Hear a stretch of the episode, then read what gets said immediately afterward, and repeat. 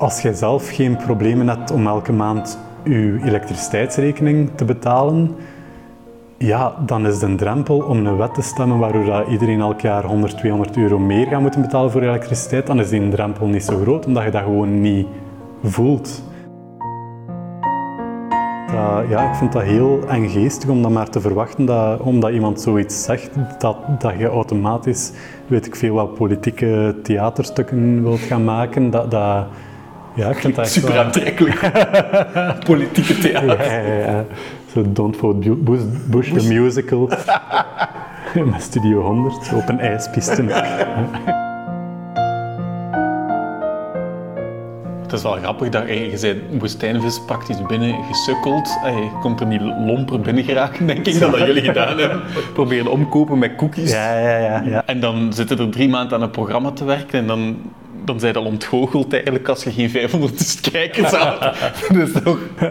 Ja, zo'n beetje jeugdige overmoed, denk ik. Hè. Ik, was toen, uh, moet ik denken, hè, uh, ja, 21 jaar als we daar ons contract getekend hebben bij Woestijnvis. Ja, maar ik denk op die leeftijd dat ook zo het verkeerde idee dat, dat je eigen referentiekader dat dat een beetje algemeen geldend is. Van, van ik vind dat heel goed, dus zullen heel veel mensen dat ook wel heel goed uh, vinden. En ik denk dat wij toen nog niet door hadden dat onze soort humor dat wij toen brachten, dat dat toch al redelijk niche was. Um, en dan, dat dat niet aan iedereen gegeven was. Dus dat is iets dat je dan uh, uh, na verloop van tijd achterkomt als de eerste kijkcijferrapporten binnenlopen. Ja, ja.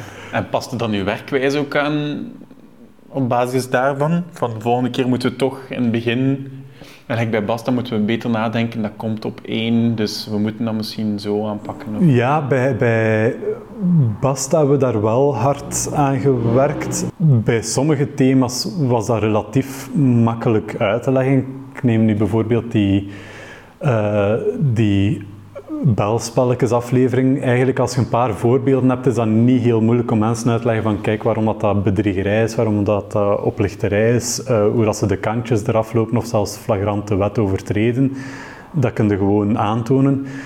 Maar bijvoorbeeld in onze aflevering over, um, over de banken hebben wij ook heel lang, we hebben echt uh, uh, boeken gelezen, artikels gelezen, we hebben gebabbeld met heel veel mensen uit de financiële sector om dat allemaal te begrijpen, zo die, de, de crisis van 2008, wat is er toen misgelopen, hoe is dat ontploft, juist was de verantwoordelijkheid van de banken, maar dat is zodanig technisch en ingewikkeld dat als je dat echt wilt snappen, heb je eigenlijk al een, een, een theoretische droge uitleg van een uur nodig, eer dat je een beetje snapt hoe dat heel die bankencrisis is, uh, is ontploft. En daar was de moeilijkheid altijd van, je wilt iets grondig vertellen, maar je wilt ook niet dat dat te technisch wordt, want je wilt dat, dat, veel mensen het, begrijpen en je wilt dat veel mensen nu verontwaardiging ook delen zonder dat die per se financieel onderlegd zijn, want we waren dat zelf uh, ook niet toen we er, eraan begonnen. En dat, dat was, vond ik een moeilijk, maar ook wel een heel interessante.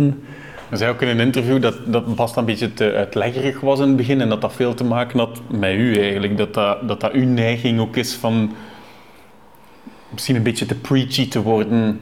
Uh, wel, ik denk anderhalve maand, ik weet het niet meer precies, voordat wij in uitzending moesten, mm -hmm.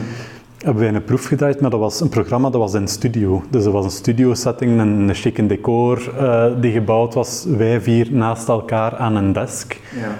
En dat je zo rechtstreeks in de camera spreekt en zowel je teksten waren allemaal uitgeschreven en uh, dat was zo'n beetje witty tong-in-cheek-achtig. En, en, ja, en als we dat zagen, ten eerste, uh, Lieven en Jelle, die kunnen dan nog een beetje zo presenteren. Koen en ik, dat, dat, dat, dat, dat geloven dat gewoon niet. En dat kwam heel belerend over. Dat was zo wij vier aan een desk en een dikke decor. En dat kwam echt over alsof van wij gaan jullie een keer zeggen hoe dat het zit. En wij hebben de waarheid in pacht enzovoort. En dat was gewoon heel fout. En dat is, dat, is, ik hoop dat ik die beelden nooit meer moet, moet bekijken, want dat was echt niet goed. Dat is niks zo, zo dodelijk om een boodschap over te brengen dan uw kijker het gevoel te geven dat zo in zijn strot geduwd wordt, ja. uh, zonder dat hem er zelf over moet of mag nadenken. Ja. En dat hebben we toen wel geleerd toen in een test. Uh. je spreekt altijd in we, maar is dat, is dat ook echt uw neiging?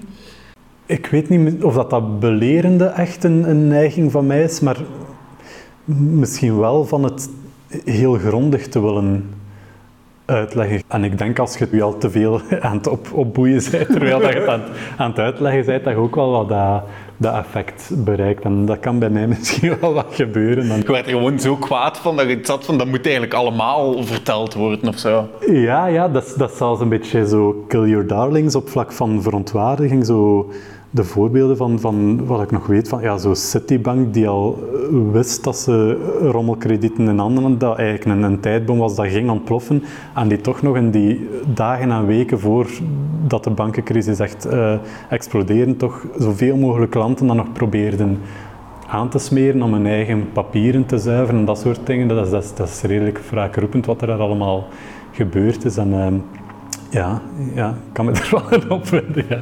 ja.